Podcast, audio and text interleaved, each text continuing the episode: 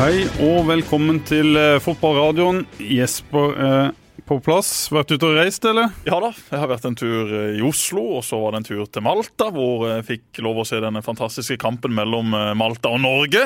Blir best huska for eh, mye trompetspilling på tribunen, bl.a. fra både norske og maltesiske supportere. Var det Rune Tribune? Rune Tribune han eh, spilte jo, selvfølgelig. Han har alltid med seg trompeten sin, og han er jo på alle slags idrettsarrangementer hvor Norge da konkurrerer, gjerne ute i Europa eller i andre verdensdeler. Men han ble rett og slett utspilt av en malteser som hadde et helt annet repertoar og en helt annen måte å fremføre dette på. Så det må være litt sånn kjipt for Rune Tribune å rett og slett bli utspilt fra eh, motsatt eh, tribune. 2-1 til Malta på tribunen og 2-1 på banen. Ja, ja. Eller 3-0 kanskje til Malta på tribunen. Ufattelig møkkakamp, så vi gidder ikke å prate mer om den. Malta ikke heller helt det store, iallfall det Malta jeg fikk se. Det var ikke eh, noe særlig fine strender. Det var ganske vilt, og det er ikke så rart, for det er jo eh, rett ut i åpent hav. Og litt sånn eh, halvslitt og fryktelige veier og masse biler og verdens smaleste fortau. Så jeg vil ikke anbefale å dra til Malta på ferie. Finn Nei. heller et annet land Ja. å reise til. Ja. Det kommer en nyhet i dag om eh, Norge, som da får uh, mulighet til å kvalifisere seg til EM gjennom eh, Nations League og får to uh, hjemmekamper. Det er gode, gode nyheter. Drømmetrekning. Norge møter da Serbia først på Ullevål. Vinner Norge mot Serbia, så er det Skottland eller Israel. Sannsynligvis så blir det Skottland. Det kan også bli Israel. Vi får håpe at det eventuelt blir Israel. Det hadde vært en eh, drømmemotstander på Ullevål, men selv Skottland skal Norge være klare favoritter mot. Vanvittig mye som står på spill for Skottland i en sånn en kamp, som får spille EM på hjemmebane hvis de slår Norge. Eh, Det blir en vanvittig eh, altså en dramatisk oppbygning, i hvert fall. Ja, tenk det for de. Og Nå skal jo EM spilles i tolv forskjellige land. Det er jo mange som mener mangt om det, men Norge har iallfall kommet i ei fin gruppe hvis de nå kommer seg inn i dette sluttspillet. Skal da spilles kamper i Glasgow ganger to, og én kamp i London, hvor da England kommer til å stå på motsatt banehalvdel. Så for Ayer og co. så ligger det jo eh, ekstremt mye i potten i mars. Og eh, kampene de ser du på TV 2. Må ta Serbia først. Vi håper at det ta Serbia går. først. Det blir tøft. Det var jo en drømmetrekning også for Serbia. For hvis Serbia slår Norge på Ullevål, så får jo Serbia hjemmekamp da i en playoff-finale. Så eh, Serbia blir tøffe. Det blir jo den tøffeste kampen. For Serbia har mye gode spillere, de har mye erfaring. Så er det jo om å gjøre å få det til å fungere som et kollektiv. Da. Der har jo Serbia slitt litt. De har sluppet inn veldig mye enkle mål, men får de den elveren til å fungere med de spillerne, så bør de jo klare å slå Norge på Ullevål. Men Norge er vel kanskje favoritter på Ja, for Norge har ikke tapt på Ullevål under Lars Lagerbäck. Uavgjort mot eh, Spania fikk de helt på slutten. Burde slått Sverige, burde slått Romania. Rota bort noen poeng der. Men Norge vil være knepne favoritter mot Serbia på Ullevål, vil jeg, vil jeg tippe. Hvis da ikke serberne plutselig begynner å fungere som et lag. Men det blir jo ikke spilt noen kamper før mars, så vi vet jo veldig lite før disse kampene begynner. Og sist episode da hadde jeg litt dårlig tid for parkometeret det løp ut. Jeg løp som en galning til bilen. Hadde selvfølgelig fått bot allikevel, for jeg sto på handikapplass. Ja. Rett borti her, på den der Villa Juice. Der er det alltid ledig en plass. Og Der har jeg fått bot før, og der fikk jeg bot igjen. Jeg kommer rundt hjørnet rett etter Elefantapoteket, og der er det ofte ledig. Men det er jo en grunn til at det er ledig. Det er visstnok handikap, men jeg syns det er for dårlig merke. Har ikke gidda å klage. Har allerede betalt den fakturaen. Det gjør jeg alltid. Hvis jeg får bot, betaler han med en gang og hiver han rett i søpla. Trine så han dessverre i søpla, da, så det ble litt bråk hjemme. For jeg sier ofte at du må være påpasselig med hvordan du bruker pengene. Men jeg bør nok helst si det til meg sjøl. Men vi har jo en gjest i dag, Jørgensen. ja, det er sikkert noen som har hørt han humre litt alle, allerede. Vi har fått en forfatter på plass i dag. Ja, vi har det. En av byens uh, beste forfattere, må vi kunne si. Det er jo ikke så veldig mange forfattere i denne byen, da. Men Andreas eh, Ivar Nilsen, hjertelig velkommen. Tusen hjertelig takk for det. Veldig hyggelig å bli invitert. det må jeg si. Du har jo vært her uh, før. Ja, du er jo en uh, stor Start-fan. Ja, Takk for at du sier det. Det er, det er jo alltid hyggelig å bli titulert sånn. Ja, Og du takk. jobber jo da nede på uh, kokkeskolen, holdt jeg på å si. Ja, jeg kommer rett fra praksis nå med elevene. Vi har hatt buffé i dag. Oi, oi, oi. Ja, ja, 125 kroner pluss kaffe. Liten, uh, liten reklame der. Det må være lov. Ja, absolutt. Meget god mat. Ikke julemat helt ennå, men vi begynner å nærme oss. Men i tillegg til å være lærer på, på kokkelinja, så er du også blitt forfatter. og Derfor vi henta deg inn for eh, Om en ukes tid så får du vel noe i hendene som du kanskje er, rimelig stolt av? Ja, eh, og jeg fant jo også ut her for et par dager siden at det var jo ikke bare noe heller, det var jo faktisk tre paller med bøker som kommer. Jeg har ikke helt sett hvor stort det er egentlig, men det er ganske mye. Det kommer jo 1000 bøker på, på døra. Jeg har eh, brukt de siste par årene på å skrive en bok om eh, det å vokse opp med Start. Og det har egentlig vært en sånn Det har jo blitt en reise, rett og slett. Eh, det begynte vel som sånn enkelt, et enkelt prosjekt hvor jeg tenkte ok, jeg må skrive noen kronikker om Start. Jeg må, må, fortelle litt om hvordan mitt forhold til Start er. Vi har jo lagd noen fanziner opp igjennom med et par, mm. med et par kamerater. Og så ble det jo en slags sånn kjærlighetserklæring om Start. Men eh, Start er jo ikke bare eh, kjærlighet. Det er mye opp og ned. Så i det prosjektet da, så har jeg jo kommet borti ganske mye informasjon og historikk som jeg kanskje ikke helt visste noe om sjøl. Bl.a. Eh, Stars europacuphistorie, som eh, plutselig ble veldig overraska over. Jøss, har vi spilt mot Vojvodina? Det var jo veldig gøy. Kjempemoro. Her må jeg grave litt dypere. Mm. Så ettersom jeg begynte prosjektet, så har det utvikla seg litt og litt og litt. Hva handler boka om uh, i, i, korte trekk? I korte trekk så er det jo uh, Første del av boka må jo være en liten introduksjon om meg, for det er veldig få, bortsett fra egentlig de nærmeste vennene mine, og kanskje dere som vet hvem jeg er i det hele tatt. Så jeg måtte fortelle litt om, om hvem jeg er, og hvor kommer jeg fra, hvorfor, hvorfor har jeg begynt å følge Start. Det er jo mange faktorer der, spesielt mm. sånn familie. Jeg er jo kjempeheldig å ha vokst opp i en, en Start-familie. Hvor jeg hadde en, en, bestefar som var kasserer på 50-tallet. Kjempestor og hyggelig mann. Uh, som også hadde ansvar for å stå og trykke på den der uh, knappen for å slippe folk inn. Oh ja, Slusa der. Ja, ja. Og så hadde jeg mormor som lagde vafler til spillerne etter kamp. og det var liksom Det var de sin, det var de sin ja, de, sitt forhold til start. da. Og så, og så begynte jeg å skrive om min første kamp begynte å nøste litt opp i noen minner som jeg hadde der. Fra 94. Første hjemmekampen som jeg så, var mot Viking. Eh, Erik Mykland skårte, annet. Eh, og Petter Belsvik skårte. Det var en, eh, litt av en fotballkamp. Og så spiste jeg solois, ikke sant? Som mange har et forhold til. Hvor gammel var du da? Var jeg, dette var i 1994, og jeg er født i 86. Jeg er veldig dårlig i matte. Men jeg må vel ha vært noe sånn som seks eller syv år, tenker jeg. Mm. Så det var den klassiske alderen hvor man begynner å bli interessert i fotball på en litt eller åtte. Mer... Eller du ja, åtte. kanskje fylt åtte? Kanskje bli åtte. Ja, ja Iallfall ikke seks. Ja, veldig bra. Syv eller åtte. Veldig bra. Jeg har i hvert fall begynt på skolen. Kokk ble han. Under ti var du iallfall. Under ti. Jeg ble ikke matematiker. Jeg er veldig glad for det, egentlig. Og så har jeg egentlig fulgt Start sånn mer eller mindre kronologisk i boka da, fra 1997 og fram til 2005. Men du er, du, du er, sånn som alltid har vært på kamper og alltid gått på, på stadion? Ja. Eh, jeg flytta til Oslo i 2004 og var borte egentlig fra Kristiansand fram til 2009. Men jeg hadde fremdeles sesongkort, så jeg reiste hjem. Jeg, hadde, jeg bodde i Danmark, eh, i Skagen, og da hadde jeg sesongkort. Det var jo ganske greit, da. Kunne jo bare ta båten over. Eh, og så har jeg bodd liksom i Lom og i Stavanger og ganske mange steder. Men jeg har alltid klart også å kombinere det med å se så mange kamper som jeg har hatt lyst til. Mm. Eh, men ja, jeg har alltid prøvd. Og, så har, jeg, har det gått Det er jo som alle sånne kjærlighetsforhold, det går litt opp og ned. Det er jo ikke sånn at det bare er mm, ja, det har, det noe, har, det vært noe, brudd? Har det vært noen ja. perioder der du har sagt at dette gidder jeg ikke mer? Ja, jeg, jeg bodde et år i Bodø, og, og, det var den sesongen hvor, hvor vi spilte semifinalen mot Ålesund, blant annet. Og da var det sånn all time low, dessverre. Ja. Gikk du til sengs med Bodø da? Nei, det gjorde, jeg det absolutt ikke. Jeg tror faktisk ikke jeg så én kamp. Nei, men det, er godt å høre. det er godt å høre. Men da, var det, da, da merka jeg at da, da, hadde jeg fått litt nok. Men allikevel, på den tida Var undermannssida Mjelde dette? Eh, ja, det var jo det. Eh, men så kom jeg tilbake igjen, og så ble det sånn Ja, nå, det, nå, var, det, nå var, det, fint. Nå var det greit. Det å komme på stadion gjorde jo at liksom, ja, engasjementet kom litt opp igjen. Og, og, og så begynte det sånn sakte, men sikkert. Da begynte vi å skrive litt om Start, og mene litt om Start. Og så fant vi ut at det var ikke så veldig mange andre som gjorde det, egentlig. Sånn utad. Det er jo ganske Feven skriver jo alltid mm. nå. ikke sant. På den tida var det jo ikke noen podkaster heller, for den saks skyld, om fotball. Så da, så da, fant jeg et litt sånn annet interessant aspekt ved det å følge Start. Man kan, hvis man mener noe, så må man jo faktisk da må man jo melde seg inn i klubben, og så må man stå litt for det, og så må man liksom Ja, OK. Dette, sånn syns jeg Start skal være. Um, så da, når jeg da har skrevet litt sånn halvveis kronologisk om Start i 97, 98 og så fram til 2005, så, så, så, får det en veldig sånn nært forhold til, til historien igjen hva skjedde i 2001 og 2002 f.eks. Vi er på Gudjon, vi, er på, vi er, prøver å komme litt, litt inn i materien. Hva, hvordan var det egentlig? Mm. Så har jeg prøvd å intervjue eh, noen sånne nøkkelpersoner. Eh, jeg har satt meg ned med Tor Løvland og prata litt med han om tida hans i, i start fram til han eh, slutta og kom tilbake, eller eventuelt fikk sparken. Litt sånn, nei, ikke sparken, men fikk ikke en ny kontrakt i hvert fall. Og så har jeg prata med Erik Mykland, som er en mann som har veldig velvillig fortalt om tida si. Helt til fra da han kom fra Bryne, og, og til hvordan han forsvant ut uh, i klubben i 96. Og så har jeg tatt noen telefoner til litt andre mennesker ute, litt sånn kanskje litt mer perifer. F.eks. Petter Belsvik, da. Som da har funnet ut at målsnittet hans sitt i start det er jo helt hinsides. Det er så utrolig bra. Litt undervurdert mann i starthistorien, syns jeg. Han var der da jeg vokste opp Han var liksom mitt store Hvor mange mål har han på hvor mange kamper har du det i huet? Eh, er det 36 på 48?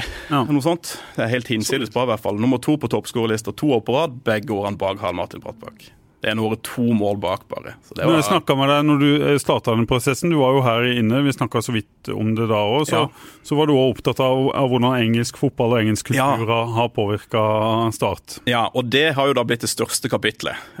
og det er litt sånn tilfeldig, egentlig. Jeg begynte å grave litt i den historien, så, fant jeg, så lagde jeg noen sånne kriterier for hvordan jeg skulle gjøre det. Eh, Jeg fant ut at jeg måtte finne ut hvem som hadde eh, spilt eller trent en engelsk klubb, eller britisk klubb. Um, og uh, da vært i Start og spilt førstelagskamper. Og det tallet, det var høyt. Det var mye høyere enn jeg trodde. Det var 32 spillere jeg kom fram til. Det kan jo hende at det er flere, men da er vi tilbake igjen på Som har spilt i England og spilt i ja, Eller eventuelt trent et lag i England, Ja. sånn som Benny Lennartson eh, i Bristol Eller City. Steve Perriman. Eller Steve Perriman, ja. Ja. Eller Mark Dempsey. Eller Mick Priest. Så, det, så plutselig så er det Eller Brian Green. Så vi er plutselig, plutselig er det ganske mange mennesker. Så jeg prøvde å gå inn og finne ut litt grann om eh, antall kamper de har for Start. Det er jo faktisk litt vanskelig å finne ut, da. Fordi det er en del av den statistikken der som ikke er Den er nok offentlig, men er ikke helt riktig noen kriterier på om det var cupkamper de spilte, er eller seriekamper. Så noen, eh, John Divine eksempel, denne, denne iren som da leda akademiet til, til United i Irland en periode, han har jo kamper for Start. Måtte finne ut, Hvem er dette egentlig? Og han har gjort noen intervjuer om tida si i Start faktisk, som er ganske interessante. Ser tilbake på det som en veldig god periode. Han er jo kanskje ikke Feven skrev jo faktisk en kamp hvor Start vant hjemme, eh, hvor John Divine en skuffelse. Så jeg tror nok ikke helt hans versjon av hvordan han har hørt noen historier om John Divine, men Ja. eh, det er historier som ikke er fra banen.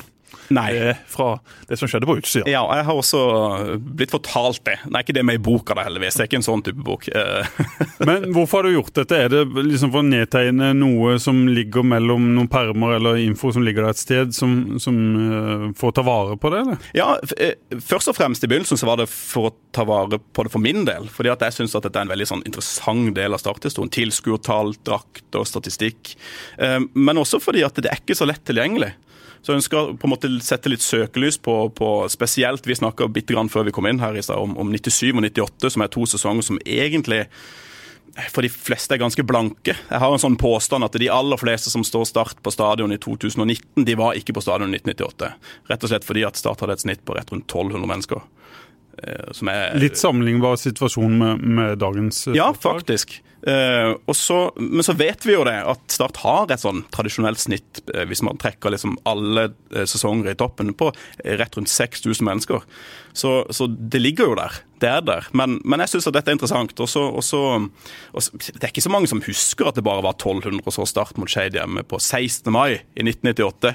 Jeg var ballgutt, så jeg husker det veldig godt. Eh, Anders Jacobsen spilte. Det var en fantastisk gøy fotballkamp. Men det var jo ikke noe folk der. Jeg tenkte, Hvorfor var det ikke det? Og så har dette har liksom bare fulgt meg i, i hele oppveksten og fram til nå. Så tenkte jeg ok, da har jeg lyst til å skrive litt om det. Rett og slett for å sette litt sånn søkelys på det. Er Jesper med i boka, eller? Eh, ja, Jesper er delvis med i boka, eh, men hans far er med i boka.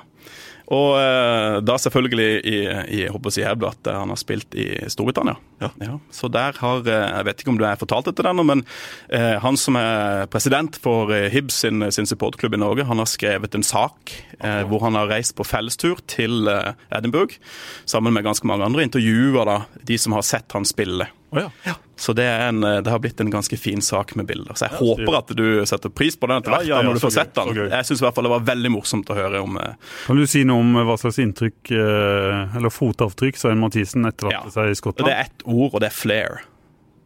Som eh, karisma eller eh, Ja. ja. han hadde flair. Det, det, er flere som sier det sånn uavhengig av hverandre. De husker han som, som en mann som hadde flair. Og det, var ikke så lenge han var der. Det var vel i eh, et par måneder. Ja, ja det var ikke spesielt lenge. Og så var det hjem. Mm. Da var hjemlengselen blitt for stor. Han tok med seg biljardbord? Sånn? Jeg fikk tilsendt biljardbordet i etterkant av eh, direktøren i Hibs. Så det biljardbordet der hadde vi hjemme i alle år, før det da tok turen ned til Sør Arena. Og så ble det kassert når det da ble etter hvert forslitt. Men det har vi spilt mye biljard på opp igjennom.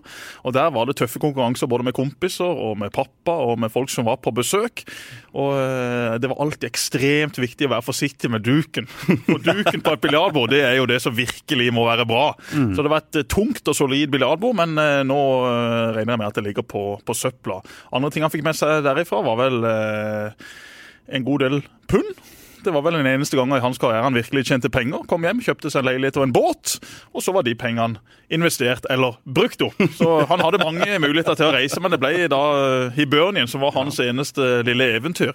Det kunne nok vært mange flere hvis han hadde ville det, men han trivdes vel så godt i starter på Sørlandet, og det kan man jo forstå. Ja, det kan man forstå. Men Har du savna noe eh, sånn om, om starthistorien, Jesper? Det ble jo gitt ut en, en bok i, i, 2005 var det vel, av et par fedrelandsjournalister ja. om, om en slags jubileumsbok. men det Eh, starthistorien det er jo, eh, den er ikke veldig godt uh, kjent. Ikke så godt som Rosenborg f.eks., eller, eller en del andre. Jeg tror alle som er glad i Start, gjerne skulle lest mer om hvordan ting var i, i gamle dager. For uansett om ikke du har sett lag på 60- eller 70-tallet spiller. hvis, hvis, det bare er godt nok fortalt, godt nok skrevet, så blir du jo kjent med spillerne. Og du har jo hørt om spillerne, og noen har de jo møtt i voksen alder, noen har du møtt uh, ungene til, barnebarna til. Så jeg tror alle som er i startmiljøet vil sette pris på, på en sånn bok. Og uh, Jeg husker jo jeg skrev min bok om pappa. Da også var det jo veldig interessant å snakke med folk som hadde spilt med pappa, som hadde sett pappa spille, som hadde vært eh, kompiser av pappa. Rett og slett for å høre hvordan ting var. Og det syns jeg jo er det flotte med ei bok. at eh, du skriver på mange måter ned noe, og så slipper du å være redd for å glemme det. Mm. Du skriver ned eh, mange minner, du skriver ned mange historier. Mange ting du egentlig ikke visste at du huska. Det var utrolig godt sagt. Og så ligger det i boka, ja. og da kan du på mange måter slippe det. Jeg har skrevet mm. ufattelig mye mer enn det som står i boka om pappa, rett og slett fordi at jeg kan gå tilbake igjen og lese opp hvem pappa faktisk var for meg. Mm. Mm. Jeg tror ikke jeg kommer til å glemme det, men det er litt det du er redd for da, når du mister noen, eller når du har hatt en relasjon til enten et lag eller en person. Så går tida, så lever du ditt liv, og så kommer kommer det nye personer inn i livet, og så blir det på mange måter litt mer og mer glemt for hvert år som går. Sånn er det med oss alle. Mm. Så det å få det ned på på noen ark i ei bok, det syns jeg er kult. Dere forfattere imellom det å, skrive en bok og være, være i den bobla der, åssen er egentlig det? For min del så jeg har, jo, jeg har jo eh, kombinert dette med å prøve å være i jobb 100% og det har fungert veldig bra. Men, men det har tatt eh, man har, Kanskje man har en veldig naiv tanke om at dette her kan man klare, og så bruker man utrolig mye tid på det. Jeg hadde en plan om å skrive mye i sommer, og da måtte jeg rett og slett bare ha sommerferie. Jeg måtte ha en halvannen måned hvor jeg bare ikke gjorde noen ting som helst. Eh, fordi når du, du, du, blir litt blind på dine egne ord etter hvert, du må få noen andre til å lese det og, få, og begynne å forstå, se ting litt fra utsida. Og spesielt når vi satte oss ned. Jeg hadde vel et Jeg tipper jeg har en 500 bilder cirka, sånn i en, sånn, en database, som, og kanskje litt utvida i tillegg. Og så skal det bli til bare halvparten, eller kanskje litt mindre enn det. Mm. Den prosessen der, den er virkelig tung. Og, det er, og hva er det som er relevant for boka? Hvor relevant er det for teksten? ikke sant? Så jeg endte opp med at vi er nødt til å plukke ut noen, noen bilder som bare er kule, rett og slett. Som egentlig ikke har så veldig mye eh, kontekst i det som er skrevet. Men fordi at det, hvis ikke det er med, så er det ikke noe. Dette, dette må med. Dette må med. Eh, og det er akkurat sånn som du sier. Det er det å være litt redd for at man glemmer deler av den historien. Altså de historiene som man har sjøl i seg. Jeg har jo jeg har, jeg har, jo skrevet litt eh, parallelt også om, om sånn som jeg oppfatter liksom, supporterkulturen på Sørlandet i Kristiansand. Da, spesielt eh, eh, fra den tida som jeg begynte å gå på stadion og fram egentlig til nå. Og der har jeg prata med ganske mange som eh, ja, spesielt gamle medlemmer av Tigerberget da, som syns dette er kjempegøy. For jeg har ikke gitt ut noen ting som helst på seg for det som er på nettsidene, eller som, som, er blitt skrevet eh, om Tigerberget. Da, og historiene og, og, og, hva skal vi si, eh, supporterkulturen. da. Og det syns jeg, jeg, er veldig interessant. For der kommer litt det du sa igjen, Pål, om det med, med England inn. Mm. Hvordan dette her har påvirka, hvordan engelske fotballen har påvirka den måten som vi ser norsk fotball på. Og tror jeg skjedde, skjedde ganske mye på 90-tallet. Uh, og så har det på en måte bare blitt mer og mer. Mer statistikk nå, ikke sant. Det er som Erik sier, Erik Mykland sier i et intervju, som hadde det vært sånne vester på trening nå, så hadde han aldri fått kontrakt. Nei. Nei. så husker du den bobla der, eh, Jesper?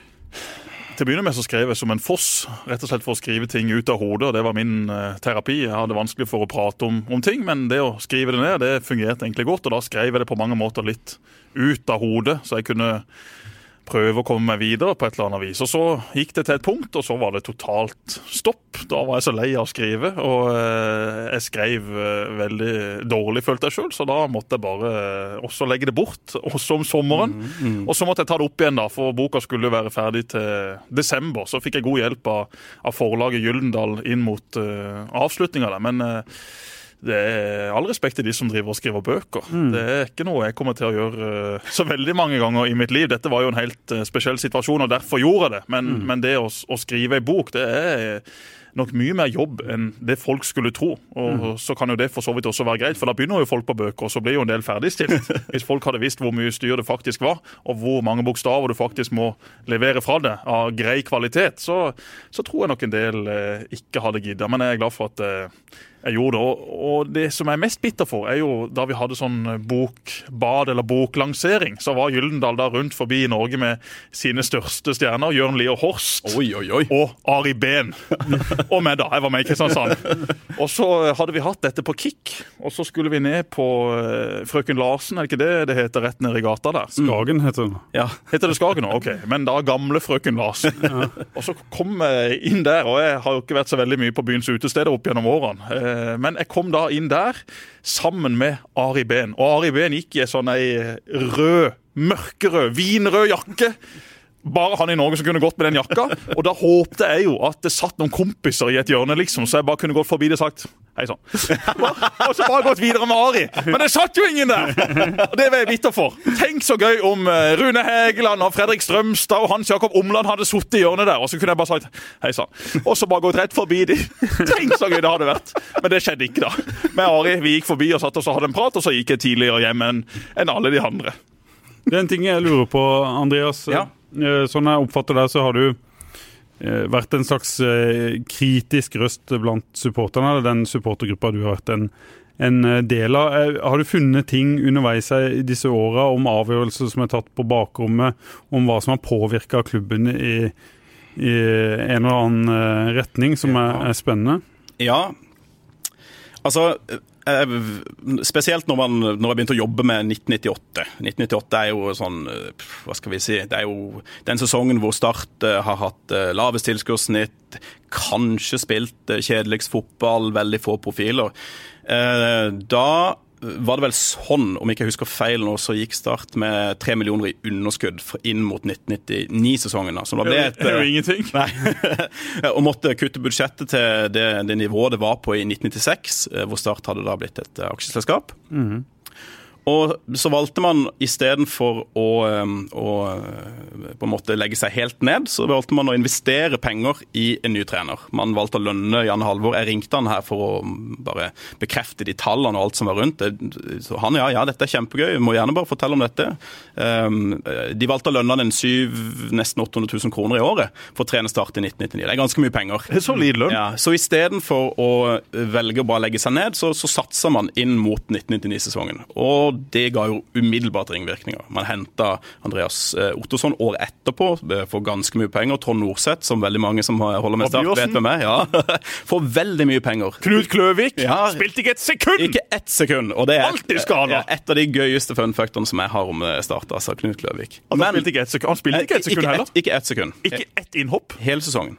Og uh, men dette gir jo da implikasjoner mot 2000- og 2001-sesongen. Når vi er i 2001, så er jo faktisk Start Eh, praktisk talt konkurs. Mm. Om det er 7. eller 11. desember, eh, så kommer jo Ravne og Soler-konstellasjonen inn og på en måte redder klubben igjen. Så man har klart seg på kort sikt, men man har ikke klart seg på lang sikt. Og det går jo da dessverre igjen i historien i 2002, år etter etterpå igjen i 2003. 2004 og 2005 så går det bra, men nå har ikke jeg kommet så langt som 2006. da, Det får bli et annet prosjekt. Men vi vet jo alle hva som skjedde i 2007. Mm. Så, så dette, dette, er jo en sånn Det blir jo en rød tråd, dessverre. Jeg ser at man ønsker å satse. Man har kanskje satsa litt over noe evne uten å helt analysere markedet eller ha de der, den kompetansen til å vite hvordan dette går. Mm. Um, man dobla jo snittet fra 1998 til 1999 på stadion. Det er jo fantastisk. Altså Fra 1200 til 3500 ca. på stadion. Det er jo kjempebra.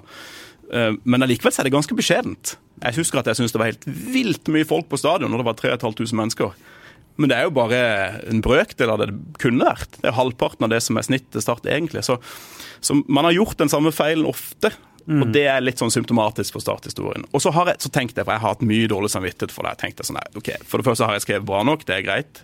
Hvis ikke jeg har gjort det, så får folk bare synes det er helt OK. Uh, men er det noen som syns det er kjipt at jeg går og kikker i disse skapene og har funnet noen små skjeletter? Og der har jeg blitt jeg, sånn, ah, jeg håper at folk bare ser på det som et historisk dokument. Mm. Men det er ikke sikkert. Jeg vet at det, har, du, har, du, opplevd noen som ikke er så villig til å dele, eller noen som eh, Veldig lite. Jeg har vel kanskje snakka med noen tidligere trenere og noen spillere som kanskje ikke har vært så villige til å dele. Men de aller fleste har sagt 'kom inn og se, sett deg ned, skal jeg prate, kan jeg fortelle'. Mm. Og dette her angrer vi veldig på. Nei, dette her var veldig bra. Mm. Um, jeg tror vel egentlig Jeg prøvde å nøste litt opp i 2002 og, og, og Fredrik Strømstad-situasjonen der. Det er ikke så mange som har svart på det. Det er også en episode med en fysioterapeut og, og en spiller som forsvinner ut av start der, som ikke er spesielt bra. Men det er ikke mange som har lyst til å snakke om det. Uh, Men har du noen eksempler, nå var vi jo innom noen eksempler, en ja. rød tråd som kanskje kjennetegner mm -hmm. starthistorien, som har, har, ført til at den har, har fått uh, vanskeligheter? da? Er det noen, noen punkt der som, uh, som, gir noen suksesshistorier? Ja, Paradokset seg jo at i 2003 og, og, og 2004, konsekvensene av 2004 er så bra, er etter min mening at, at man ga så mye spilletid til de unge gutta i 2000. Du kjenner jo stallen ganske greit fra den tida, Jesper. Det var mange som spilte mye av de som etablerte seg på laget i 2004. Og den tråden går jo selvfølgelig også tilbake til 2002. Kristoffer Hestad debuterer. Det er, det er, unge spillere i alle ledd. Og man henter inn noen nøkkelspillere. Eksempel så gjorde jeg et lengre intervju med Tom Nordli eh, om 2004. Ikke mulig å gjøre kortintervjuer med Tom. og Vi har samtala litt om dette her uh, over et par år nå. Sånn. Jeg, jeg har ringt han noen ganger, og så har han ringt meg av og til. Også. Uh, og, og, Da sa han at det jeg gjorde, var å hente de spillerne som jeg syns hadde lokal forankring nok til å komme inn på laget. Blant annet uh, Glenn Andersen kom inn, ikke sant? og, og, og, og Risholt fra Jon Horten. Spillere som egentlig ikke det var, ikke det var ikke de som definerte 2004-sesongen for Start, men de ble henta inn på bakgrunn av at han syntes de var gode nok. og han var veldig veldig stolt av at det var så mange unge sørlendinger på lag på den tida. Og det starta jo i 2003 under Bård Wiggen. Det gjorde det, som en ren konsekvens av at man ikke kunne hente inn noen. Mm. Man henta inn Ben Wright. Han var fantastisk god i 2003 og 2004. Men han hadde ikke noe målsnitt i Viking i det hele tatt. Han har spilt 40 kamper og skåret var det 11 mål eller noe sånt. Mm. Ikke spesielt eh, bra i det hele tatt. Men det at 2003 var så dårlig, det tror jeg egentlig var veldig bra for 2004. Jeg vet ikke om man kan trekke noen parallell til Start i dag, nå, på det, men, men akkurat det De har jo valgt en, en, en, litt annen strategi enn det ja. de hadde i, i, fjor, da, som kanskje du uh, har, ja. mer, har, mer, tro på? Ja. Øh, jeg syns jo det var Dette er jo litt som å banne kirka hos mange av de jeg kjenner. Jeg syns det var litt gøy at Start prøvde å gjøre noe annerledes i fjor også. Men så viser det seg at uh, man kanskje må tilbake til basics på en litt annen måte. Det nytter ikke å hente unge svenske spillere som kanskje ikke er bedre enn de vi har hatt fra før av. Alle har jo liksom skjønt at uh, Kevin Cambran har jo et kjempepotensial. Han har jo det. Mm. Uh, men Isak Lidberg vet jeg ikke. Hvorfor kom han til start? Elliot Kjekk, nylig seriemester i, ja. i Sverige, ja. og vel på årets lag eh, flere mm. steder der etter en kjempesesong i, i Djurgården. Ja. Litt av en forandring for hans del. Ja. Det er helt utrolig. Litt, det var litt av en kamp. Jeg vet ikke om dere så den siste. Jeg var, jeg var en tur her sammen med et par kamerater til England, og så satt vi og skulle se Stockport mot Woking. Toppoppgjør. på femte, sjette, syvende nivå i, i, engelsk fotball. Eh, og da endte vi opp med å livestreame avslutninga på den, den Djurgården-kampen der. Det var jo nesten like gøy, altså. Ja, det var heftig. Heftig scene. Heftig scene. Men du har eh, meninger om supporterkulturen, og du har mm. skrevet en del om det også. Ja. Hvor er det nøkkelen ligger? For Start hvis de skal klare å skape en viss kultur. For vi må kunne kalle den kulturen blant supportere som er der nå, ikke all verdens. Ja, jeg ser jo at uh, så Start har jo trykka i samme fotspor noen ganger. Eh, overlatt ansvaret til supporterne, som da jeg tenker kanskje er veldig lurt. Og så har det kanskje ikke utvikla seg helt som de ville, og så har de tatt makta tilbake.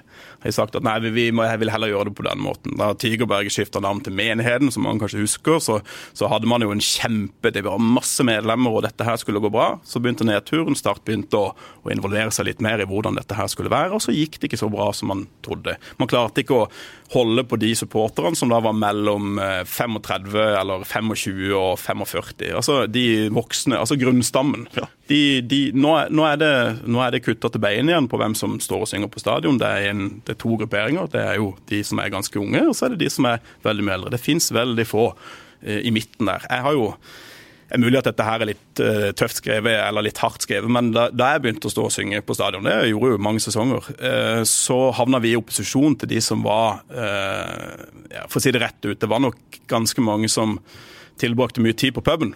og som hadde mye makt i det fellesskapet.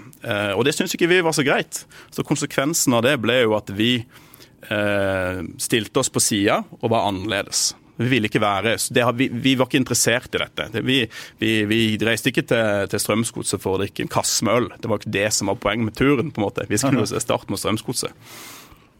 Og så fikk, det, så, så fikk det noen ringvirkninger etter hvert. Hvis man stiller seg litt på sida, så, så, står man litt på sida. Og så utvikla supportklubben seg, eh, supporterkulturen seg eh, ganske kraftig. I 2005 så var det jo nærmere 1500 syngende supportere på stadion. Det er jo helt vilt. Og det kom jo inn på Sør Arena igjen også, men så klarte ikke Start å forvalte det på god nok måte, tror jeg. Jeg tror ikke man satte nok pris på det. Man tok det litt for gitt at det her, her dette kommer til å holde seg. Det kommer til alltid til å være så og så mange syngende supportere. Eh, og det, sånn er det ikke. Fotball er ferskvare, og, og, gleden ved å se fotball er jo også ferskvare. Når, når, det går dårlig, så vil det da automatisk bli færre som engasjerer på samme måte. Sånn som jeg ser det, da. Ja, for det henger sammen. Det jo, vi har jo diskutert dette mange ganger, at uh, oppslutning og entusiasme det henger jo uh, mest sammen med sportslige ja. resultater. Ja, og så tror jo jeg og, og, her må jeg være litt eh, sånn her, dette, er, dette, er, litt sånn viktig for meg. altså når, når man begynner å tulle med hvor man skal sitte på stadion, da, da, er det mange som reagerer. Um, når, vi i Kristiansand er jo sånn. Når vi treffer noen, så bruker vi kanskje et par år på å si hei, mm. hvis vi ikke vet hvem de er. Nå har jeg jo sittet på, på R1-feltet på stadion. Når du kommer inn, så er det rett ned på hovedtribunen. Jeg har sittet der i seks-syv sesonger. Plutselig så hadde vi ikke mulighet til å kjøpe billetter der lenger. Og vi har brukt så lang tid på å bli kjent med han bak der, og de som kommer ned der, og så vet at han sitter der, og der sitter det ekteparet. Plutselig så er det nei, eh, bestemmer vi oss for å gjøre noe nytt. Og de relasjonene, det, altså mellommenneskelige relasjoner, det, det, det, er så viktig for at man skal bli komfortabel, for at man skal være eh, tørre å vise engasjement. Mm. Man ser jo bare det på eh, engelske klubber som skifter eh, stadion. Eh, eh mitt lag, og det har vi jo snakka litt om før, City, de, de, de, de flytta jo fra Main Road til da, City of Manchester Stadium i begynnelsen av 2000-tallet. Det som skjedde da, var jo at eh, stemninga sank jo med en gang. Folk visste ikke hvem eh, folk var rundt. De hadde ikke planlagt det. De visste ikke at dette her kom til å bli nytt. Dette hadde de gått ut i etterkant og sagt dette var et stort feilgrep for oss. Mm. Start gjorde det samme i 2007, var det, uh, var det vel? Ja, det var jo det. Så, så, hadde man ikke noen plan på hvordan man skulle forvalte alle de som sto på langsida. Alle de som hadde sesongkort på sidetribunen. Alle de som sto i svingen. Alle de som sto under treet? Alle de som sto under treet. De måtte jo finne et helt nytt sted å stå. De brukte jo Start nesten seks-syv sesonger på å få det til å funke. Mm. Og så stenger man kortsidene, og så stenger man oppe, og så stenger man oppe på langsida. Det kan godt hende at det, vi har, må innse at vi har altfor stor stadion. Det er jo et luksusproblem. Må vi heller tenke på hvordan vi skal forvalte den store stadion. Det kan se ganske fullt ut om det er 7000 mennesker. Jeg tror ikke det er urealistisk at det kommer 7000 mennesker i snitt for å se Start. Hvis det kan gjøre det i Ålesund ti år på rad. Det er helt klart. Ja, helt enig med det. Mm. Og det blir jo som å, å, å bli kjent med naboene dine på, mm. på eh, Fagerholt eller, eller, hvor det måtte være. at Hvis du da plutselig etter fem-seks år skulle bli drevet bort fra de og kasta inn et nytt nabolag, så tar det litt tid før du blir ja. like varm i trøya. Ja. Jeg, litt, jeg, merker det. Hvis ikke Roy Helge Olsen sitter foran meg på prestebunnen, så blir jeg stressa. Ikke sant? Det er trygt å ha Roy Helge der. Veldig trygt. Veldig trygt. Var det riktig, Roy Helge? Det er spørsmål der jeg har stilt han uh, mange ganger. Ja, det det. Og Da får du fasiten. Absolutt. Han er utrolig flink til å dele og forklare og hva han tenker og, og syns. men, men eh, savner du at supportere blir mer involvert i akkurat disse tingene?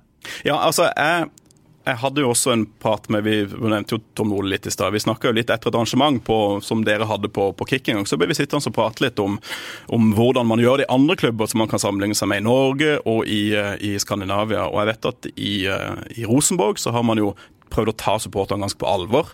Man har en representant i styret f.eks. Som, som da om den bare er for syns skyld, så, så, er ikke det så veldig viktig.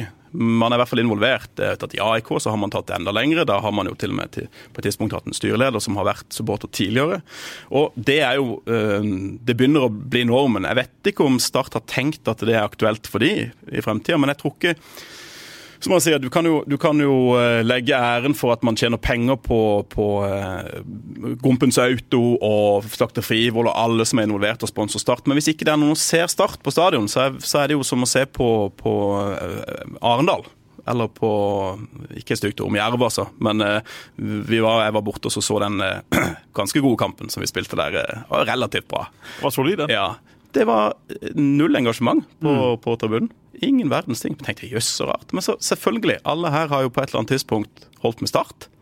Det er klart de har det. De syns ikke det her er forferdelig, gjør de det? Så da er vi jo tilbake igjen der. De supporterne som er på stadionet igjen, de må, det må jo være gull verdt for Start at de er der. De må satses på. Steinhardt, altså. Mm. Og det må bli fokuset, tror jeg. When you're ready to pop the question, the last thing you want to do is second guess the ring. At Bluenile.com, you can design a one of a kind ring with the ease and convenience of shopping online. Choose your diamond and setting. When you find the one, you'll get it delivered right to your door. Go to Bluenile.com and use promo code LISTEN to get $50 off your purchase of $500 or more. That's code LISTEN at Bluenile.com for $50 off your purchase. Bluenile.com code LISTEN. Fremover. Fokuset må bli på nærområdet her. At man tør å si det er dere som er Start. Hør, hør, hør, sier jeg til ja, Start. Andreas er en uh, fornuftig kar som Men, har et hjerte for Start. Og det er jo sånne folk som Andreas Start er avhengig av. Mm. Ikke bare at du står uh, på tribunen og, og, synger sanger eller skriver bøker om Start, men at du faktisk blir spurt med på råd og sagt hei, OK, det har gått som det har gått de siste årene. Nå skal vi stake ut en kurs for hvor vi skal være i 2025. Og det har statledelsen gjort. Det skal det du vel ha gjort. honnør for. Ja, og vi har også blitt invitert på møter. Det var kjempehyggelig og veldig hyggelig å få treffe folk i systemet. og blitt uh, ganske godt kjent med. Det er alltid åpent på kontoret. Uh, det var kjempehyggelig å komme inn og sitte her et par timer med Langland. Kjempehyggelig. For ikke så lenge siden. Da diskuterte vi jo det, dette her, blant annet. Um, Men er det mer sånn at du føler at det er hyggelig å være i møte, og så skjer det ikke noe, eller? Jeg, nå forstår jeg jo at det er en ny strategi på gang igjen. Mm. Uh, og hver gang jeg hører strategi Jeg jobber jo i fylkeskommunen, så jeg vet jo at uh, med en gang det kommer en ny strategi, så, så er det jo en strategi som overtar for en annen strategi. Ja. som man skal prøve. Mm. Og så håper jeg jo nå at det man sier at man skal stenge visse seksjoner, at det kan gjenskape et engasjement. Det har ikke gjort det tidligere, men det kan godt hende det gjør det nå. Um, ja, hvem de har rådslått med for å komme fram til dette, det, det vet jeg ikke. Hvordan ser du for deg Start i, i fremtida? Er, er, det sånn at du ser optimistisk på ting og syns at eh, det er spennende å gå på trening, og der er han, han kan bli god, eller tenker du at uh, det skal bli vanskelig å, å løfte denne klubben? Ja, Det, det, syns, det syns jeg fremdeles. Det er veldig gøy å gå på treningene og se på, på de unggutta som, som utvikler seg. Det syns jeg er kjempegøy. Det tror jeg nesten uansett kommer til å bli morsomt i fremtida. Um, men ja, hvis uh, jeg, jeg, skriver noe sånn helt i begynnelsen om, om, det jeg kalte for de formative årene. Start fra 1973 fram til de rykka ned i uh, 87. Uh, hvor Start av gjennomsnitt havner på en 4,7 noe sånt cirka. I toppdivisjonen. I toppdivisjonen i Norge. Uh, og da tror jeg også at altså vi, vi starta i fram til 20, hva blir det for noe, 15 år frem i tid. Havner på et snitt på 4,7. Så det er jo helt utenkelig i dag. Men, men det har skjedd før. Hvorfor kan, ikke, hvorfor kan ikke det skje igjen? Jeg, altså, Vi kommer til å spille 4-7 semifinaler de neste 15 årene i cupen i tillegg. På et eller annet tidspunkt så kommer det sikkert til å løsne. Uh, nå ser vi jo at det er jo veldig få klubber i Norge som løsner for i det hele tatt på et eller annet tidspunkt så kan det jo løsne for Odd også. Det kan jo løsne for Tromsø. Men det er jo bare tre-fire lag, nesten uansett hvilken sesong som helst. nå som... Men i motsetning til en del av de andre lagene som du snakker om, så er jo Start en, en større klubb? Ja, en mye større klubb. Tradisjonelt en kjempestor klubb. Jeg snakka litt med en sånn Viking-supporter her for et par dager siden. sa ja, men vi hadde jo ti seriegull før Rosenborg begynte å briljere. Ja ja, fint det. Helt topp. Mm. Men uh, hvor mye har det blitt siden 1991? Mm. Ja, ingenting. Cupgull, kanskje? Ja, det har blitt noe cupgull, det, det, har jo det. Men eh, Start og Viking har ikke vært så fryktelig langt fra hverandre de sesongene siden 1991. Kanskje med Start òg. Vi må snakke litt om det som skal skje nå de kommende ukene. Kanskje blir det bare én kamp, kanskje blir det, blir det, tre. Hva tenker du om det, Andreas? Oh, jeg, er jo veldig, veldig, veldig, veldig spent. Jeg har, uh, Hver gang det er kvalik, og det har vi jo opplevd noen ganger nå, så er det som en sånn egen verden som bare som bobler, egentlig. Jeg vet ikke, Klarer vi å gjenskape 1997, nei, 1999 unnskyld, mot Strømsgods igjen? Det er jo det som er målet. Mm. Jeg tror alle tenkte at Start var soleklar favoritt hjemme og borte mot Jerv sist. Ja. Nå kan det bli hva som helst, altså. Veldig usikker.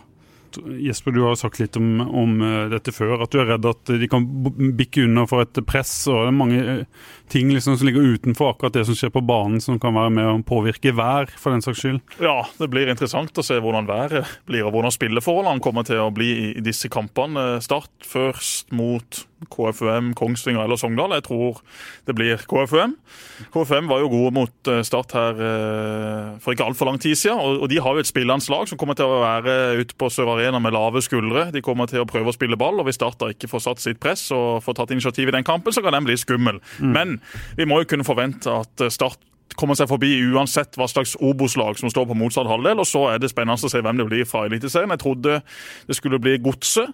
Nå kan Godset fort ryke rett ned. De har hjemmekamp mot Brann nå på søndag. Den tror jeg de må vinne. Hvis ikke så tror jeg de rykker rett ned. Og da blir det fort Mjøndalen, f.eks. I, en, mm. i en kvalik. Og Mjøndalen eh, de vet jo hva kvalik går ut på. De har et robust fysisk lag. Og de kommer ikke til å være enkle i en sånn type kamp. Samtidig så har jo Start et godt lag. Start med sine beste spillere på banen er jo ikke noe dårligere enn de som kjemper i bunnen av Eliteserien når Start er på sitt beste. Problemet til Start er jo at de kan ryke 0-4 for HamKam. De kan ryke 0-3 for Notodden. Det har svingt veldig mm. i eh, en del perioder av sesongen, og det er jo frykten min. For du skal være solid i 180 minutter mot et eliteserielag. Hvis du ikke er det, så klarer du ikke å rykke opp. Men Start nå, med den gjengen de har, og med en god opplevelse da i denne kampen mot Obos-laget, så er det muligheter. Ja. Og så skal skal jeg komme med en løypemelding. Har vært på starttreninger denne uka. og så Vi snakka litt om sist den pausen de har nå, at det kanskje ikke er en fordel for Start at de andre er i gang. Men nå har jeg sett på de treningene nå, så, eh, så skal vi huske at dette er på slutten av en lang sesong. Mange har vært slitne og brukt mange av de samme spillerne. Så er det noen som har hatt pause, og de treningene jeg har sett nå, Eh, de siste dagene er noe av det beste jeg har sett på veldig lang tid i start. Og det er spillere der som åpenbart er i form. F.eks. Aron Sigurdarsson, som har fått en liten pause og som herja. Eman Markovic ser, ser ut som han har tatt et eh, kvantesprang og har fått masse selvtillit. Så jeg tror at, eh, at Start kanskje kan overraske det laget som som nå skal spille to serierunder til og komme med en fornya energi. Jeg håper iallfall det at, at det kan være følgen av en, en, pause. da. Men man er jo allergisk mot gode treningsuker. Ja, ja, det der er så lite verdifullt å ha gode treningsuker hvis du da ikke klarer å levere.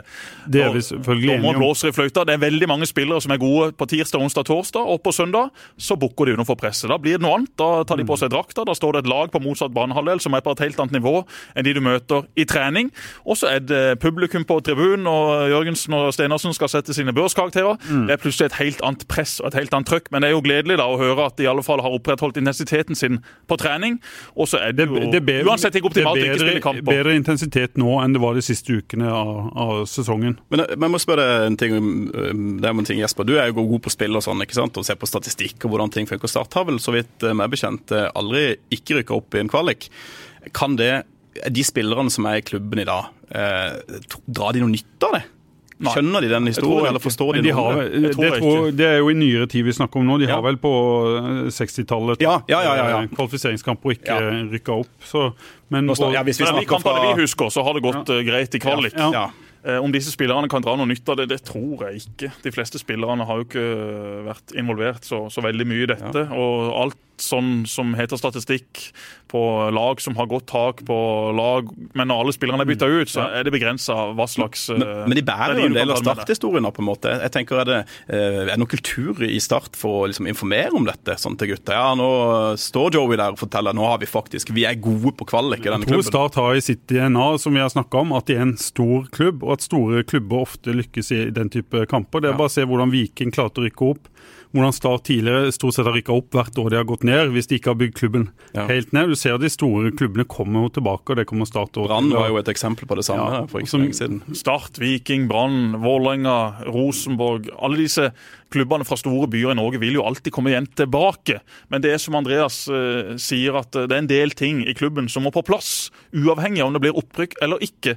Og Derfor er jo denne her kampen om opprykk ekstremt spennende, ja selvfølgelig. Men uavhengig av den, så er det ekstremt mange ting i klubben som er mye mer avgjørende for hvor klubbene kommer til å være om ti år. Og da er de tingene Andreas er inne på, veldig viktig. Og så er det også en del andre ting som må på plass, som kanskje da må endres litt på, sånn at klubben kommer opp og fram, og ikke bare kommer til å være på stedet hvil. For økonomien i Start i årene som kommer, den kommer til å være veldig veldig utfordrende. Så hvis du ser på norske klubber, så er det noe som ikke er riktig. Det er den ene klubben etter den andre som driver dundrende i minus hvert eneste år.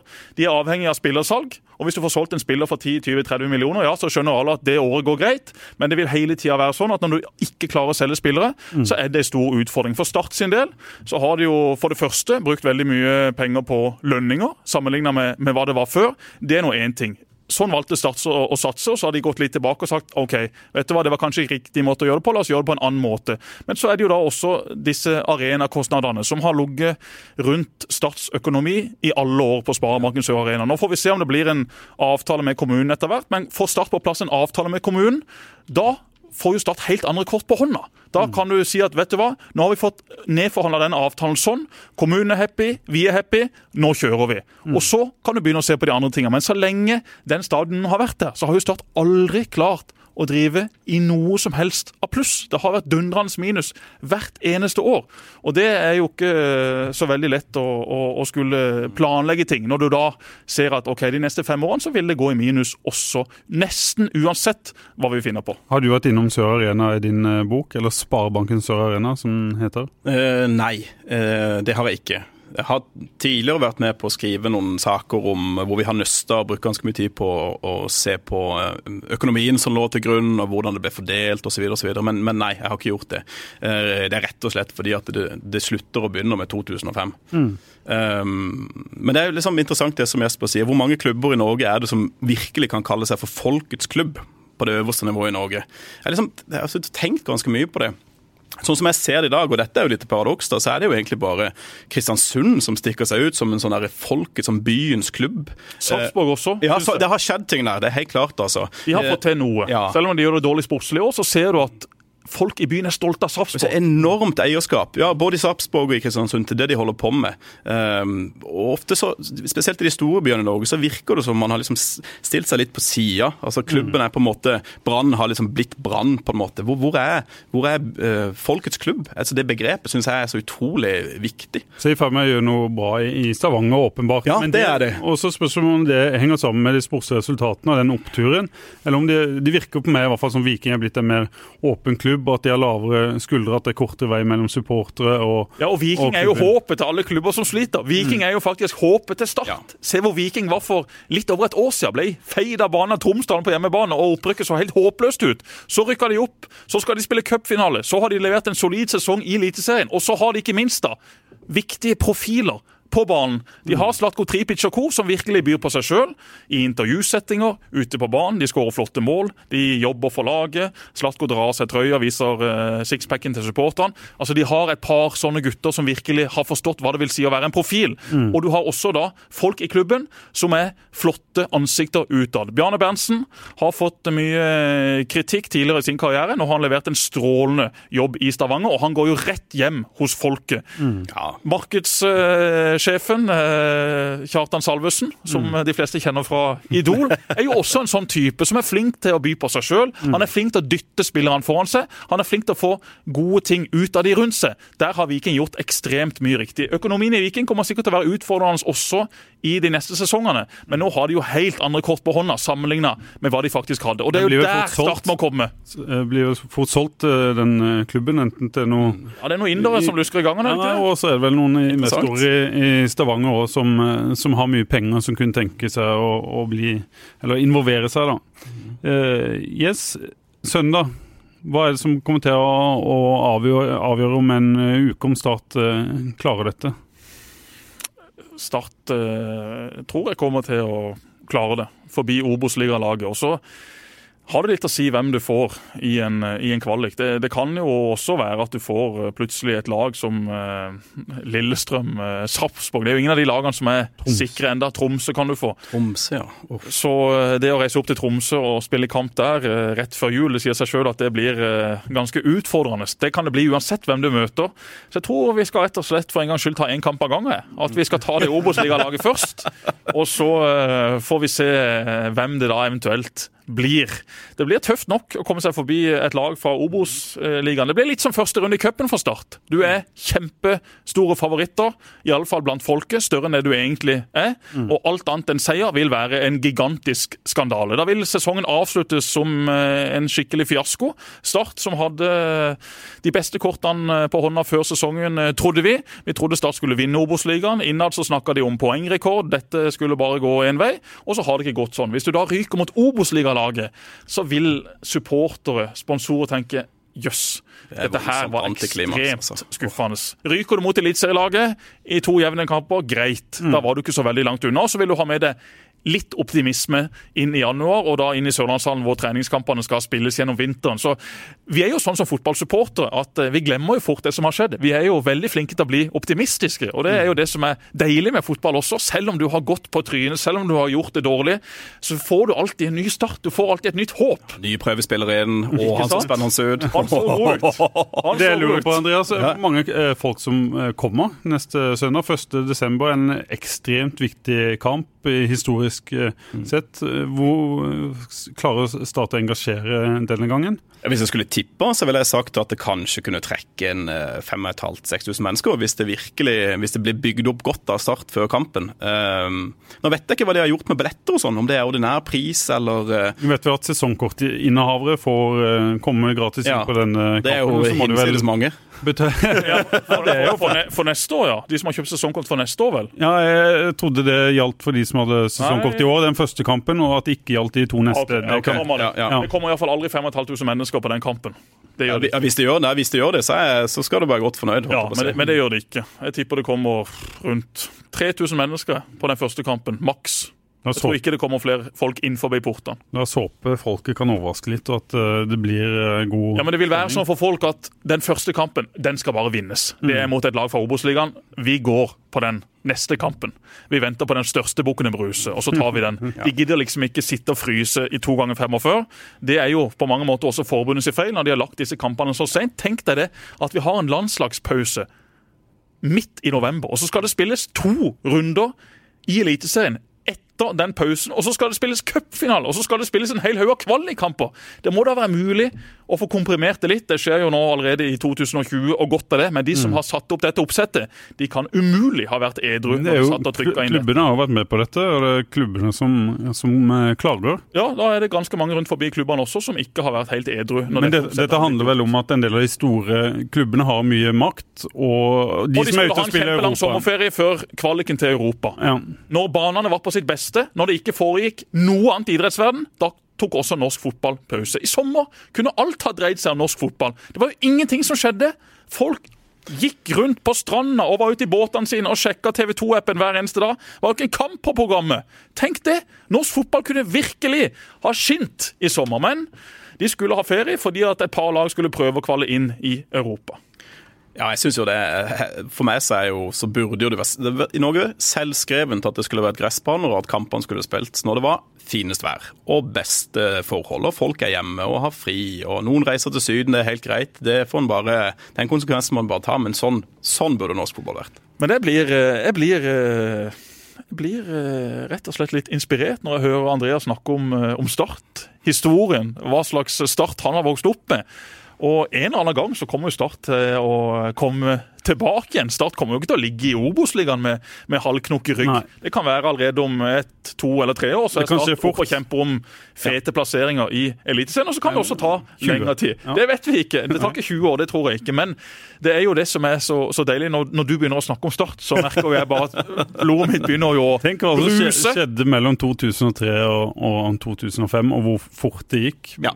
Det var helt ekstremt. Det er altså et halvannet år mellom avslutninga i 2003 og den kampen mot Fredrikstad i 2005. Så det sier jo litt om å se på Viking, som du nevnte som eksempel. Ja, Men det eksempel. finnes jo ikke noe gøyere enn fotball. Hadde Andreas snakka enda lenger, så hadde jeg bare ringt 974 020 etterpå og sagt vet du hva, jeg har lyst til å begynne å jobbe i klubben din. Det er nummeret da til Kristoffer Langeland, som har tatt seg en tur til Hovden akkurat nå. Men det er jo sånne folk, sånne tanker, som faktisk kan inspirere folket til å bli glad igjen i Start. Start engasjerer, det kan du se på dine lesertall, Pål. Men det er en vei å gå fra å få de som engasjerer seg, inn på arenaen. Få de til å engasjere seg. Få de til å føle at de er verdifulle for klubben. Få de til å føle at vet du hva, din stemme, din tilstedeværelse, den er viktig. Jeg ser det. Jeg syns du er en fet fyr. Kom på kamp, kom på møte, kom på frokost. Så skal vi finne på noe gøy sammen. Ikke sånn at supporterne står på utsida og klinker snøballer i ruta og er misfornøyde med det som foregår innenfor kontorene. Nei, Så må det skje noe med den unge generasjonen. Jeg vet ikke om du har vært eh, inne på det, men jeg har jo eh, en gutt som er veldig fotballinteressert, som er to år. Ja, han er... Ikke to år, ti år er han. Han kan mye. Herre min. men han er jo mer interessert i å se United på TV enn å gå på startkamp, og det prøver jeg å påvirke og dra han med på, på startkamp, men der må det jo skje noe, for det er jo ikke en eh, det er jo en, eh, en, holdning som er overalt. og Det tror jeg handler om å, å få laget opp i Eliteserien og prestere og så få noen gøye store kamper og opplevelser. Så kommer det til å endre seg. Men det er det, ja. de, det, som, det, er det de unge trenger. Ja, og som Andreas sier. Hvorfor kan du gå på håndverkerne her på Torvet og føle at vet du hva, dette var en hyggelig kveld, dette var veldig god mat. De har jo fetere restauranter i London. Men går du på håndverkeren, så møter du kjentfolk. Mm. Du møter folk du kan preke Nettopp. med. Og det er jo akkurat det som skjer også på tribunen. Enten det er på kamp, enten det er på trening, enten det er på et eller annet arrangement i forbindelse med Start. At du møter folk du er glad i. Folk du kan ha det gøy sammen med. Mm. Det er jo der de også må komme med de ungene. TV 2 har jo mye av skylda for at Premier League har blitt så stort og populært. For TV 2 pumper jo det for alt det er verdt. Mm. Og det forstår jeg jo for så vidt når de tjener såpass greit med, med penger på den rettigheten, så jeg skal ikke sitte og, og hogge huet av min egen TV-kanal. Men det er jo også litt hvordan norsk fotball har blitt bygd de siste årene. At mm. norsk fotball ble solgt til det de ble solgt til, det kan for så vidt være greit. Men de burde jo forstått at når norsk fotball ikke får daglig nyhetsdekning fra TV 2 eller NRK, som egentlig når ut til de norske hjem, så går det også utover interessen. Norsk fotball kommer aldri til å bli like god som tysk fotball, engelsk fotball osv. Men norsk fotball må jo være noe annet. Norsk Absolutt. fotball må jo være noe hvor du kan treffe Andreas og Pål på tribunen, hvor du kan se guttungen til naboen debutere for Start. Hvor du da kan se en eller annen ganeser komme opp, bli kjent med han, og så blir han en stor profil. Og så blir han vippa videre til Genk for 20 millioner kroner. Mm. Det er jo det norsk fotball har vært og må være. Jeg tror, jeg tror det er en, en, eh, ja, en veldig vanskelig, et vanskelig hinder å, å passere. Sånn som vi tre, tipper alle vi jeg leste f.eks. papiraviser enten på morgenen eller når vi kom hjem fra skolen og bladde opp på sportssidene. Leste om, om, Start. Vi vet jo at vi har fryktelig få unge lesere nå på Fedrelandsvennen. De som leser papiraviser, har gamle barn, de har ikke unge barn. Så det er mye spennende der som, som eh, jeg tror vi ikke helt forstår Definitivt. konsekvensene av. Jeg tror også det Jeg tror også kanskje av og til, og dette er litt sånn Jeg vet ikke om det er sært for Start, eller eh, om det er for alle klubber i Norge, men, men engasjementet rundt Start det er der fremdeles, selv om ikke det er så mange på stadion. Jeg tror ikke alltid engasjementet og, og liksom lidenskapen rundt Start hos folk som da f.eks. ser Liverpool på TV hver eneste lørdag jeg, jeg, jeg tror ikke engasjementet er noe lavere, eller tror ikke folk bryr seg noe mindre om Start, selv om ikke de er på stadion. Men den dørstokkmila der, den må Start gjøre noe med. Og, mm. og, jeg har jo tenkt i mange mange år at uh, man burde sette inn støtet og fokuset rundt Kristiansand. Så Fagerholt og Søm og Randesund og Tveit og, og Vennesla. Der burde det, Man ønsker selvfølgelig å være Sørlandets fotballklubb og hele Sørlandet Start og Sørlandet Det Stolte. skjer jo automatisk hvis en får resultater? gjør det? Ja, det gjør det. Men allikevel så, så tror jeg, i og med at man har prøvd å tenke så stort, så har man kanskje Spesielt i klubbene, og dette har jo vi snakka litt om før også. De, de, lokale klubbene rundt omkring Kristiansand har følt seg litt sånn tilsidesatt, og man har tenkt kanskje litt større enn det de har vært klar på. Mm. Og det har skapt noen sånne ringvirkninger eh, som da gjenspeiler i dårlige resultater, rett og slett. Jeg mener Start er Kristiansands eh, fotballag nummer én. Det, det, hvorfor skal man ikke prøve å promotere seg bare på det? Hvis det er mer enn noe. Du, Vi må snart eh, gi oss, men har du noen sånne, eh, kommer det noen overraskelser i denne boka? Noe folk ikke kjenner til? eller? Må jo ha kommet over noen syke Ja, jeg har kommet over noen veldig gøye resultater, blant annet, som ikke jeg visste så mye om. En gang midt på 70-tallet så slo Start KB København, som da er forgjengeren til FC København, 3-0 borte. Kanskje det sterkeste bortsettelsesresultatet Start har gjort noensinne. Det var helt fantastisk bra. Det ble faktisk oddsbomber i hele Europa. Det, det var overskriften til verden. og det er jo liksom en sånn artig Hva skal vi si Jeg sitter også og trålt eh, Hvem, hvem skåra målene i den kampen, husker du det? Det husker jeg faktisk ikke. Jeg, kan, jeg, jeg, Men var, det, var det samme gjengen som etter hvert vant gull? Ja. Var det, det, var det, Det var, det var starten på det. Mm. Og, og bare det at Start har spilt eh, over 30 kamper i Europa, det er jo, var jo for meg ikke ukjent. Jeg visste jo at de hadde spilt med Europa, men Den ene kampen mot det østtyske laget som har, Ja, fått Braunschweig, ja. som har fått all oppmerksomhet. ja, ikke sant. Og så, spilte jo Start serievinnercup hjemme hos Strasbourg og var kjempegode. Det, man tapte knepent, men var veldig god og tapte 4-0 borte. Jeg kjøpte forresten DVD-en. Ja. En som lagde sånn sports-DVD-er i USA. Kom i posten her. Det var jo kjempemoro. to ganger fant du den 45 minutter. eBay. Jeg var på eBay, ja. Så Ja. jeg tror det ligger en kopi ute ennå. Hva kosta den? Eh, var det seks euro eller noe ja. sånt? Kom hjem i posten der. Jeg Vet ikke om det var helt eh, legitimt, men det var i hvert fall en kopi av kampen. Det var kjempemoro. Med fransk kommentator. Det er sterkt.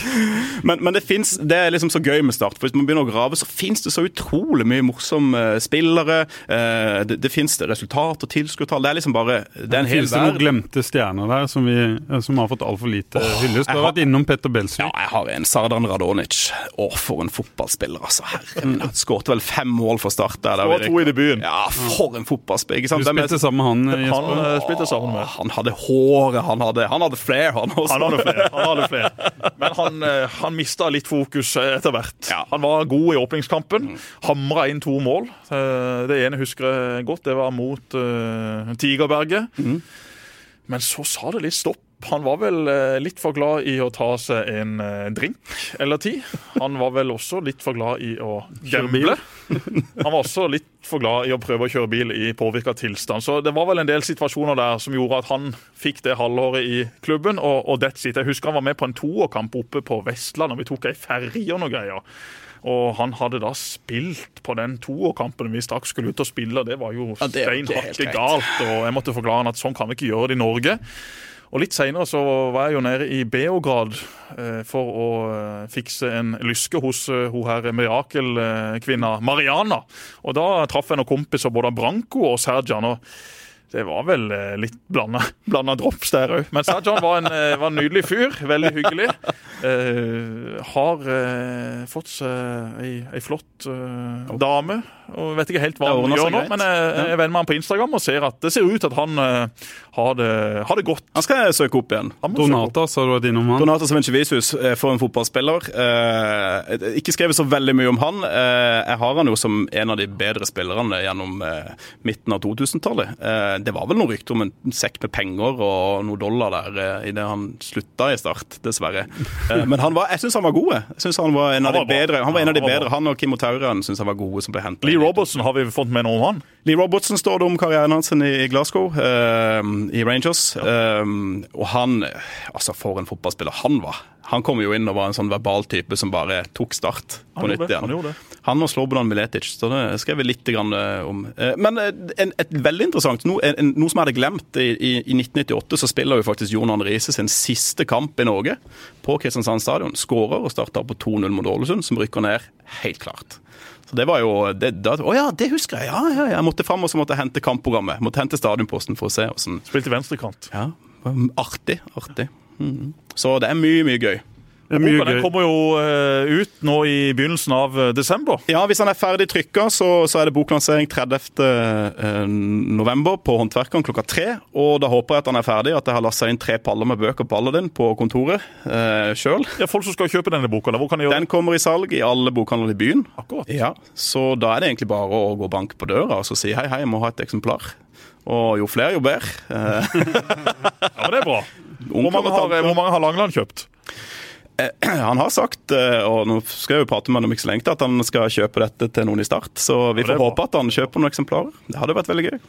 Ja. Nok, nok reklame. Ja, fint. Ja, ja, ja. ja. Du, vi må alltid være forsiktige med det. Ja, ja, jeg skjønner det, men, men samtidig her, min, altså, reklame. Ja, ja. Vi må jo få lov å snakke om dette- dette ting og tang i denne podkasten. Ja. Skulle Forbrukerombudet komme, så får du bare sende det hjem eh, til meg.